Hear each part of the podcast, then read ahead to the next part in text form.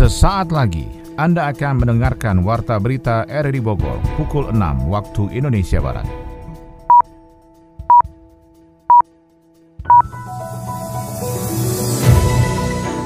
Selamat pagi, salam jumpa. Kami hadir kembali dalam Warta Berita edisi hari ini, Sabtu 11 Februari 2023. Informasi ini juga turut disiarkan melalui audio streaming lewat RRI Play dan juga disiarkan lewat Radio Tegak Beriman Kabupaten Bogor, Jawa Barat dan Anda bisa akses di Spotify RRI Bogor. Berita utama hari ini adalah Menteri Perdagangan menegaskan pembelian minyak goreng rakyat atau minyak kita tidak perlu menggunakan KTP. Satgas Pangan Kota Bogor mengawasi peredaran minyak goreng minyak kita. Bencana angin kencang menyebabkan bangunan sekolah rusak dan pohon tumbang di wilayah Kabupaten Sukabumi. Saya Maulana Isnarto, inilah Warta Berita selengkapnya.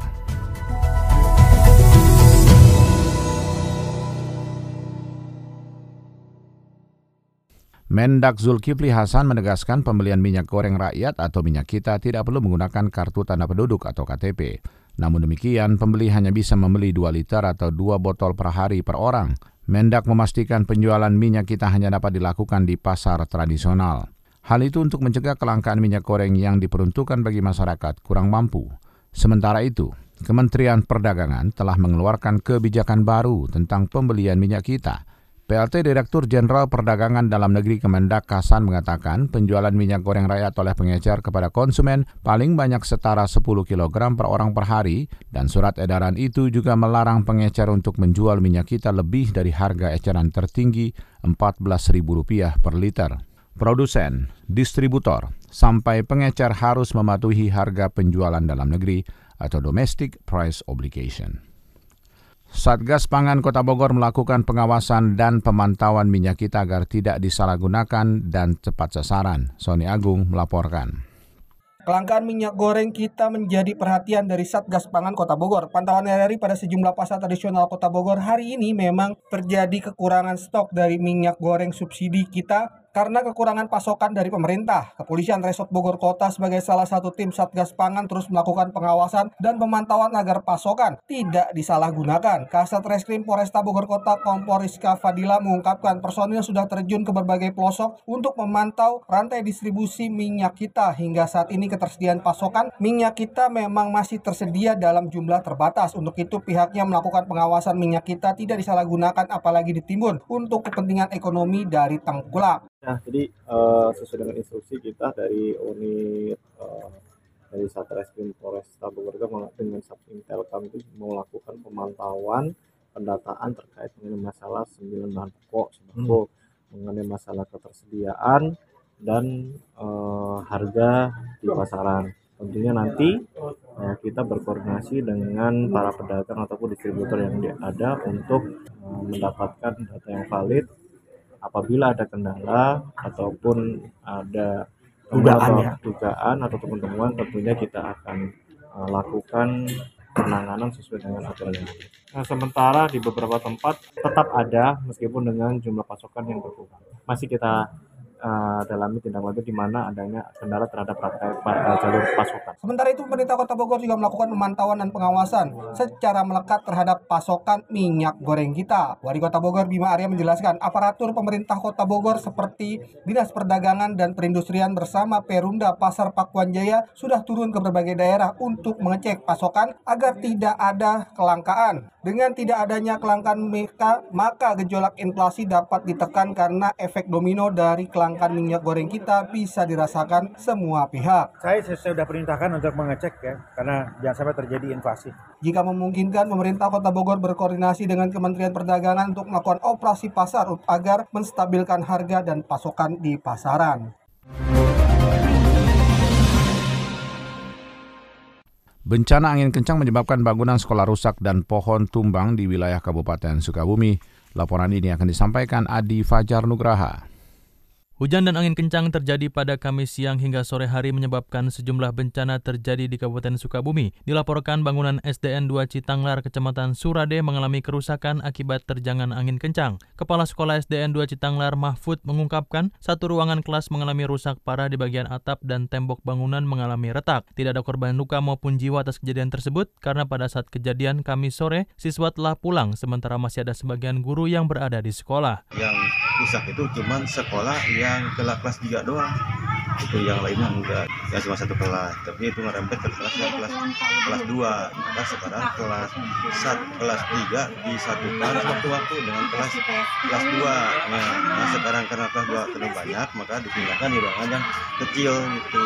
Dibikin di trotoarnya gitu. Harapannya ini ingin di waktu mohon secepatnya untuk dibangun kembali. ya, Kejadian pohon tumbang akibat angin kencang dan hujan deras juga terjadi di Jalan Raya Loji, Kecamatan Simpenan, Kabupaten Sukabumi. Menurut petugas penanggulangan bencana Kecamatan Simpenan dan di Sulaiman, pohon besar yang tumbang itu sempat menutup ruas jalan nasional yang merupakan akses menuju kawasan wisata Geopark Ciletu. Meski sempat terjadi kemacetan, namun saat ini petugas telah mengevakuasi pohon tumbang tersebut sehingga sudah bisa dilalui oleh kendaraan setelah terjadinya pohon tumbang di ruas Bagbagan, tepatnya ruas Bagbagan Geopark Celetu yaitu di Kampung Tegal Nyampai RT 05 RW 2 dan untuk ke pohon tersendiri sebelumnya itu menutupi bahu jalan. E, sempat tersendat juga lalu lintas. Dan sebelum kami evakuasi itu e, arah lalu lintas sejarah satu arah. Karena memang ter, telah terjadinya hujan disertai angin kencang dan mengakibatkan satu pohon jenis kalijaran e, tumbang dan juga satu pohon mangga. Badan Meteorologi, Klimatologi, dan Geofisika BMKG menjelaskan mengenai bencana angin kencang yang menerjang sekitar 25 wilayah di Bogor dan sekitarnya. Hal itu merupakan fenomena global dan regional yang mendukung potensi angin kencang. Adanya siklon tropis ini juga menyebabkan dampak tidak langsung di wilayah Indonesia yaitu membentuk daerah pertemuan atau perlambatan kecepatan angin konvergensi yang memanjang dari Samudra Hindia Barat, Sumatera hingga Samudra Hindia di selatan Jawa. Hal itu kemudian menyebabkan peningkatan intensitas hujan dan peningkatan kecepatan angin permukaan, terutama di wilayah Bogor, Banten, Jabodetabek, Jawa Barat, Jawa Tengah, Yogyakarta, Jawa Timur hingga wilayah Pulau Bali. Pemerintah Kabupaten Bogor meminta jajaran Muspika dan Kepala UPT serta masyarakat mengawasi guliran Samisade di wilayah masing-masing. Yofri Haryadi melaporkan. Proyek infrastruktur desa yang bersumber dari dana 1 miliar satu desa di Kabupaten Bogor dapat dievaluasi dan direhab ulang. Jalan, turap penahan tebingan, bahkan pos kamdes sepanjang kerusakan tersebut dapat dibicarakan dalam perencanaan proyek yang dilakukan. Seperti halnya di Desa Gadok, Kecamatan Megamendung. Paket pekerjaan pengerasan jalan desa dengan paving block dengan luas penampang jalan 3070 meter persegi di dua RW yang mengalami kerusakan diperbaiki pada titik kerusakannya. Jenis pekerjaan yang diswakelolakan oleh pihak ketiga PT Prayoga Pertambangan Energi PPE Kabupaten Bogor di Desa Gadok ternyata hanya rusak tidak lebih dari satu persen dari seluruh paket konstruksi yang rampung pada tahun 2022 lalu. Ketua Pelaksana Kerja dari PT PPE Fauzi mengungkapkan siap untuk mengganti dan menggaransi proyek pekerjaan dengan nilai sekitar 900 juta rupiah itu. Saya dari pihak-pihak ketiga koordinasi dengan pihak desa untuk subopnam dari dari perencanaan awal itu 3000 meter persegi keseluruhannya terbagi terbagi di 3 RW, di terbagi di 3 RW. Saya minta untuk diopnam Nah itu kita akan apa, akan lakukan perbaikan itu secepatnya setelah keluar hitungan dari UPT tersebut. Dari dari 100% keseluruhan itu kalau saya hitung hanya di kisaran di angka 0,5% saja. Dan hasil untuk sementara sekarang baru 2 RW, tinggal satu RW lagi hanya pemeliharaan. Ada bergaransi. Proses perencanaan, pelaksanaan hingga pengawasan dan pertanggungjawaban atas paket yang bersumber dari APBD Kabupaten Bogor harus terus dikawal dan tidak dilepas begitu saja. Setelah setelah pekerjaan selesai dilakukan. Hal itu diingatkan Kepala Dinas Pemberdayaan Masyarakat dan Desa Kabupaten Bogor Reynaldi Yusap usai kegiatan bowling di Caringin Bogor. Reynaldi juga menginstruksikan kepada jajaran Muspika dan Kepala UPT terkait bersama dengan masyarakat untuk mengawasi guliran samisade di wilayahnya masing-masing. Penguatan-penguatan kita sudah lakukan. Teman-teman UPT di lapangan ya kan? Teman-teman PUPR UPT PUPR UPT DPKPP tergantung dengan semua rencana kegiatan mereka dan kita berharap teman-teman melakukan des des ya. Des itu adalah pendampingan sejak perencanaan khususnya di RAB di RAB jadi kita berharap peran pemerintah tetap masih masuk di sana terutama sampai di tingkat kecamatan. ya. Dan kita pun melakukan koordinasi dengan semua OPD di lingkup kabupaten karena OPD-OPD teknis itu masuk ke tim pengendali samisade tingkat kabupaten. Tahun 2022 lalu 395 miliar rupiah dana dikucurkan dari APBD untuk program Samisade. Berdasarkan catatan pada Desember 2022 ada 11 desa yang tidak dapat melanjutkan pembangunan infrastruktur yang didanai Samisade karena persyaratan administratif. Adapun desa yang sudah menjalankan program Samisade dengan skema 40-60 juga dievaluasi ulang hasil kerjanya oleh pemerintah dan masyarakat. Normalisasi sungai dan situ menjadi program prioritas Kecamatan Cimanggis dalam penanganan bencana banjir dan longsor. Adi Fajar melaporkan. Penanganan banjir yang kerap terjadi di wilayah Cimanggis, Kota Depok menjadi atensi tersendiri bagi aparat kewilayahan setempat. Bahkan penanganan dan antisipasi banjir menjadi program prioritas yang dituangkan dalam musyawarah perencanaan pembangunan atau musrenbang atas usulan masyarakat. Camat Cimanggis Dodi Setiawan menjelaskan, wilayah Cimanggis dilintasi beberapa sungai yang harus menjadi perhatian khususnya isu sampah yang kerap menjadi biang kerok bencana banjir. Di tahun 2023 pihaknya berfokus dalam melakukan normalisasi sungai serta membenahi drainase di wilayah yang rawan terjadi banjir. Dengan penanganan banjir, hmm.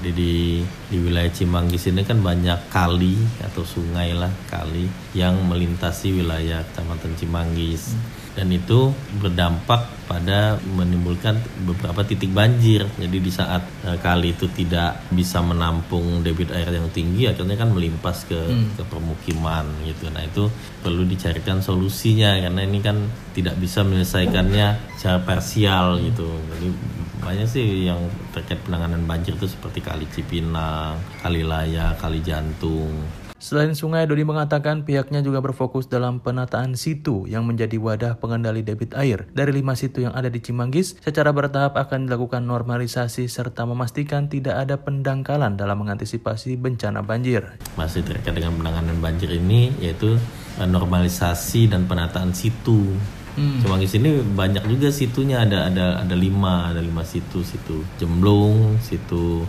Rawakalong, situ Gadok, situ Pedongkelan sama situ Tipar. Nah ini memang kan kecenderungan situ itu kan memang untuk pengendali banjir secara alami. Hmm. Kondisinya kan biasa ada sedimentasi sehingga uh, ada pendangkalan. pendangkalan. Nah itu yang perlu di, dinormalisasi. Hmm. Sekaligus kita pengen ditata supaya bisa juga menjadi objek wisata. Hmm. Aparat kewilayahan juga akan intens melakukan pengecekan dan menertibkan bangunan yang masih melanggar garis sempadan sungai. Hal itu dilakukan untuk memaksimalkan fungsi sungai agar tidak terjadi penyempitan aliran sungai. Warga Babakan Madang berharap anggota legislatif Kabupaten Bogor memperhatikan nasib guru madrasah dan lembaga pendidikan keagamaan di wilayahnya. Laporan ini disampaikan Yofri Haryadi.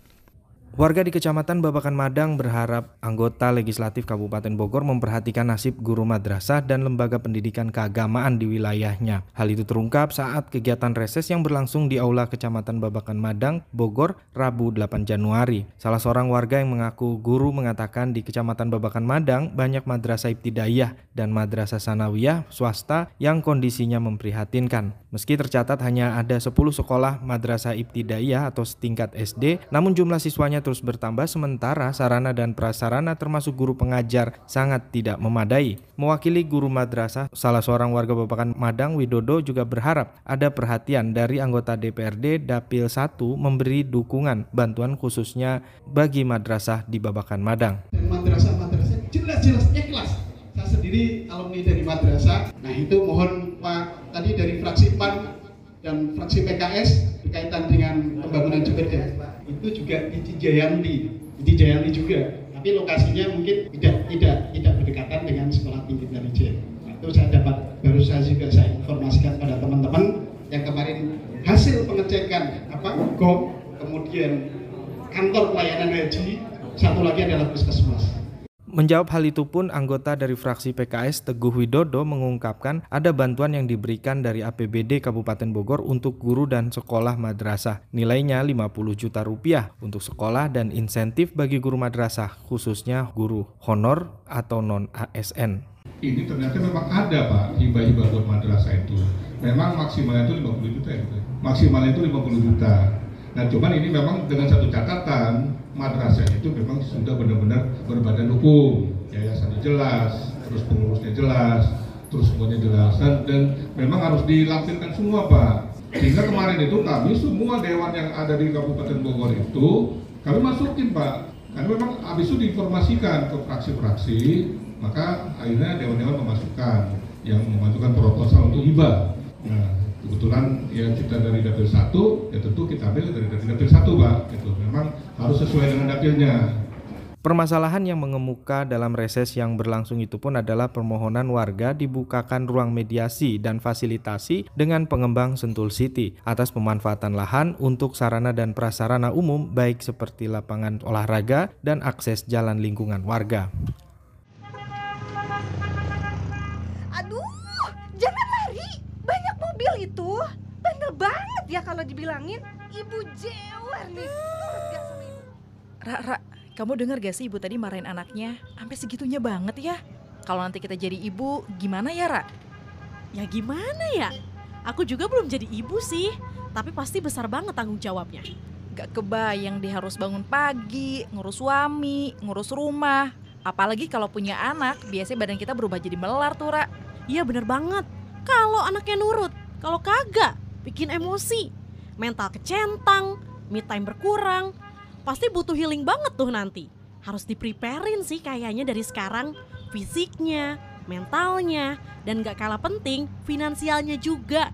Ya, walaupun belum kelihatan sih hilal jodohnya. Eh, by the way ya, Ra, segini tuh kita masih berandai-andai jadi ibu. Gimana ibu kita ya? Pasti lebih-lebih sih tanggung jawabnya.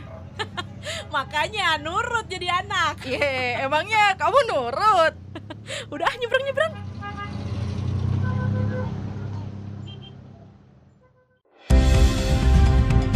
Anda tengah mendengarkan Warta Berita RRI Bogor. Pendengar, pengamat politik menyayangkan pidato Wali Kota Bogor Bima Arya saat perayaan Bogor Street Festival Cap Gomeh 2023 yang memberikan dukungan kepada Ridwan Kamil dan Dedi Rahim dalam perhelatan politik pemilu dan pilkada 2024. Laporan disampaikan Sony Agung Saputra. Pengamat politik yang juga dosen Universitas Juanda Bogor, Gori Serat, memberikan pandangan terhadap pidato Wali Kota Bogor Bima Arya saat perayaan Bogor Street Festival Cap Gome 2023. Dalam perayaan Cap Gome, Bogor Street Festival 2023 di kawasan Surya Kencana Bogor, Wali Kota Bogor Bima Arya mengeluarkan pernyataan yang memberikan dukungan kepada Kang Ridwan Kamil dan Kang Dedi Rahim dalam perhelatan politik pemilu 2000 dan pilkada 2024. Menurut Goris, pernyataan Wali Kota Bogor Bima Arya tidak etis sebagai pejabat publik mengeluarkan pernyataan politik saat peristiwa budaya perayaan Cap Gomeh Bogor Street Festival 2023. Pernyataan ini dipandang sebagai politisasi peristiwa kultural menggunakan identitas kultural untuk kepentingan politik tertentu, apalagi saat sekarang saat kita berada dalam momentum politik menuju 2024. Dalam perayaan Cap Gome Street Festival Bogor 2023 di kawasan Surya Kencana Bogor, Wali Kota Bogor Bima Arya mengeluarkan pernyataan yang memberikan dukungan kepada Kang Ridwan Kamil dan Kang Dedi Rahim dalam perhelatan politik pemilu dan pilkada 2024. Pernyataan Wali Kota Bima Arya dapat kita tanggapi dari dua sisi. Yang pertama bisa kita lihat dari sisi etika politik adalah tidak etis bahwa Bima Arya sebagai wali kota, pejabat publik mengeluarkan pernyataan politik dalam peristiwa budaya perayaan Cap Gome Bogor 2023. Pernyataan ini bisa kita pandang sebagai satu bentuk politisasi peristiwa kultural menggunakan identitas kultural untuk kepentingan politik tertentu. Apalagi saat sekarang kita berada dalam momentum politik menuju 2024. Jika DNA Bogor merupakan DNA keberagaman, maka justru keberagaman itu dijaga dengan tidak membuat pernyataan yang sifatnya memihak. Sebagai pejabat publik, posisi seorang wali kota netral secara politik. Karena pernyataan tersebut menunjukkan keberpihakan secara politik artinya dapat berimplikasi terhadap gejolak konflik dan fragmentasi di tingkat grassroots dan elit. Kita tahu bahwa Pak Bima Arya adalah elit politik PAN dan PAN sekarang berada dalam koalisi politik bareng Partai Golkar dan P3 di mana Pak RK belum lama ini dipinang sebagai kader Partai Golkar. Pak Bima katakan bahwa DNA Bogor adalah DNA keberagaman. Semestinya keberagaman itu dijaga dengan tidak membuat pernyataan yang sifatnya memihak. Sebagai pejabat publik, posisi seorang wali kota netral secara politik karena pernyataan tersebut menunjukkan keberpihakan secara politik dan hal ini dapat berimplikasi terhadap gejolak konflik dan fragmentasi di tingkat grassroots dan elit. Yang kedua, dapat kita lihat dari sisi penyelenggaraan pemilu dan pilkada menuju 2024. Kendati berada dalam tahapan penyelenggaraan pemilu 2024, pernyataan Pak Bima Arya tidak termasuk dalam pelanggaran pemilu dan pilkada. Sementara itu, Ketua Bawaslu Kota Bogor Justinus menjelaskan saat ini pihaknya masih melakukan penelusuran terhadap dugaan pelanggaran dari pidato saat CGM Bogor Street Festival. Pihaknya berjanji akan bersikap objektif terhadap seluruh data dan fakta untuk memproses secara peraturan dan perundangan yang berlaku. Pemkap Bogor memfasilitasi uji kompetensi bagi para jurnalis meningkatkan kualitas publikasi dan informasi bagi masyarakat. Yofri Haryadi melaporkan.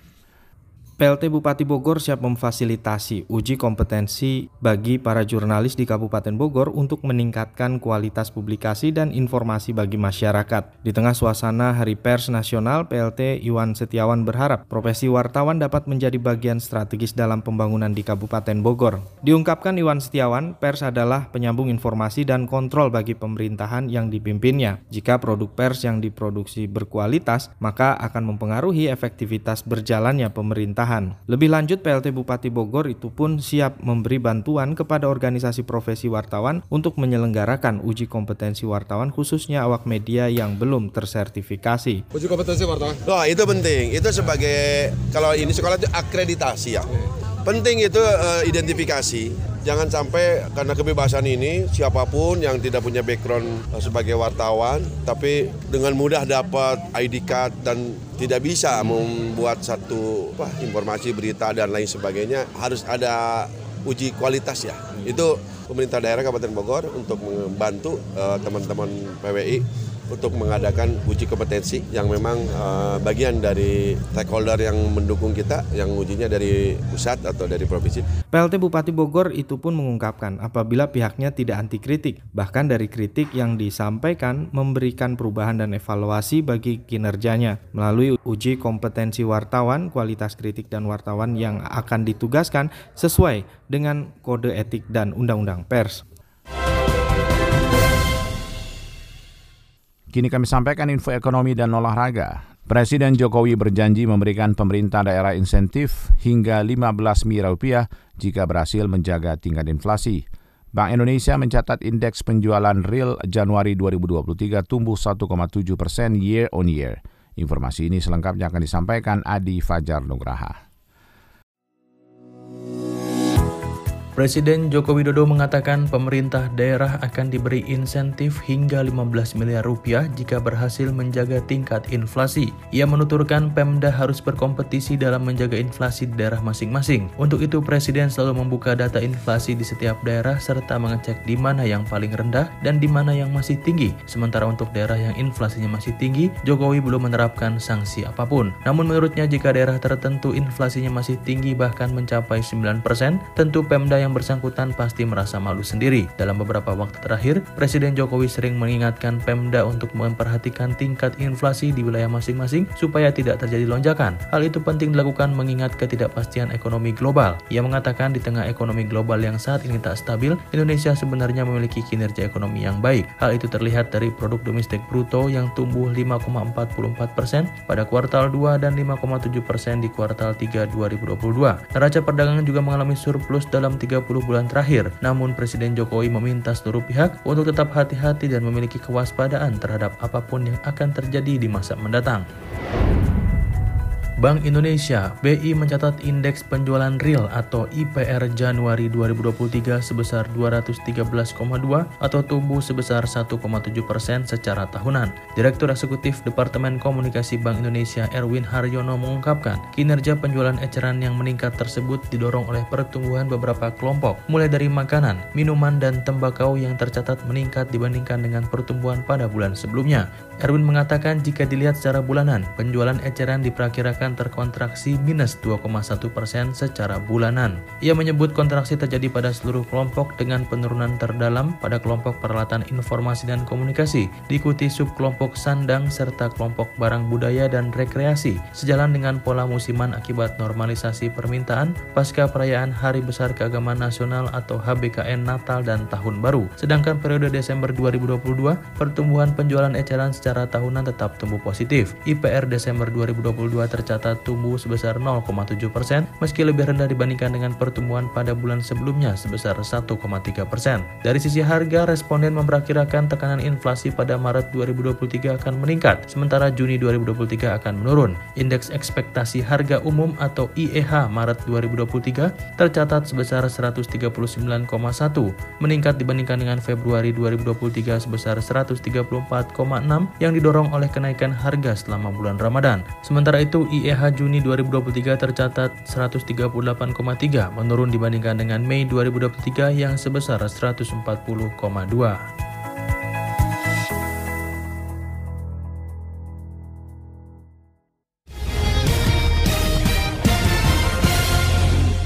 Dari olahraga, FIFA merilis tiga kandidat calon peraih penghargaan pelatih terbaik dunia 2022. KONI Kota Bogor mulai menginventarisasi venue pertandingan cabang olahraga Porprov 15 Jawa Barat 2026. Kita akan ikuti laporan Ermelinda.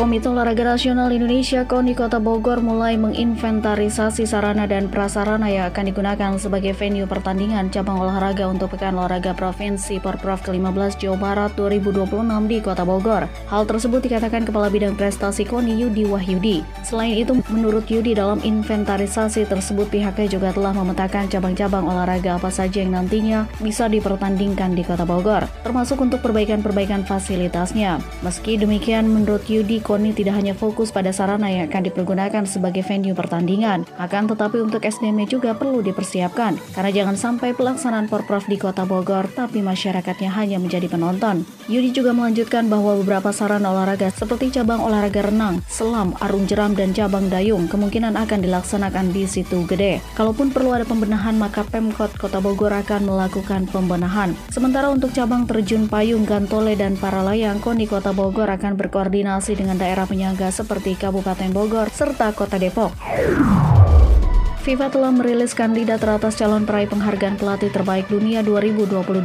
Ketiga nama yang masuk nominasi tersebut adalah pelatih timnas Argentina, Lionel Scaloni, Carlo Ancelotti dari Real Madrid dan juga Pep Guardiola dari Manchester City. Ketiga nama tersebut telah dipilih oleh juri internasional yang terdiri dari pelatih timnas pria, kapten timnas pria, jurnalis sepak bola dan penggemar yang memberikan suara mereka melalui situs resmi FIFA. Sebagai informasi, peraih penghargaan prestisius tersebut dinilai berdasarkan prestasi dan performa tim yang diasuh selama periode 8 Agustus 2021 hingga 18 Desember 2022.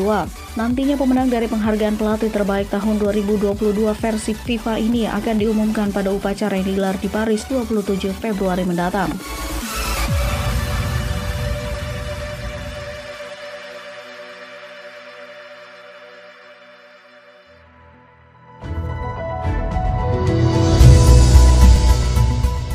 Demikian rangkaian informasi yang kami hadirkan di Warta Berita RRI Bogor pagi ini. Sebelum berpisah, kami kembali sampaikan berita utama. Menteri Perdagangan menegaskan pembelian minyak goreng rakyat atau minyak kita tidak perlu menggunakan KTP. Satgas Pangan Kota Bogor mengawasi peredaran minyak goreng minyak kita. Bencana angin kencang menyebabkan bangunan sekolah rusak dan pohon tumbang di wilayah Kabupaten Sukabumi. Saya Molanes Narto, bersama tim bertugas pada hari ini mengucapkan terima kasih atas perhatian Anda. Selamat pagi dan sampai jumpa.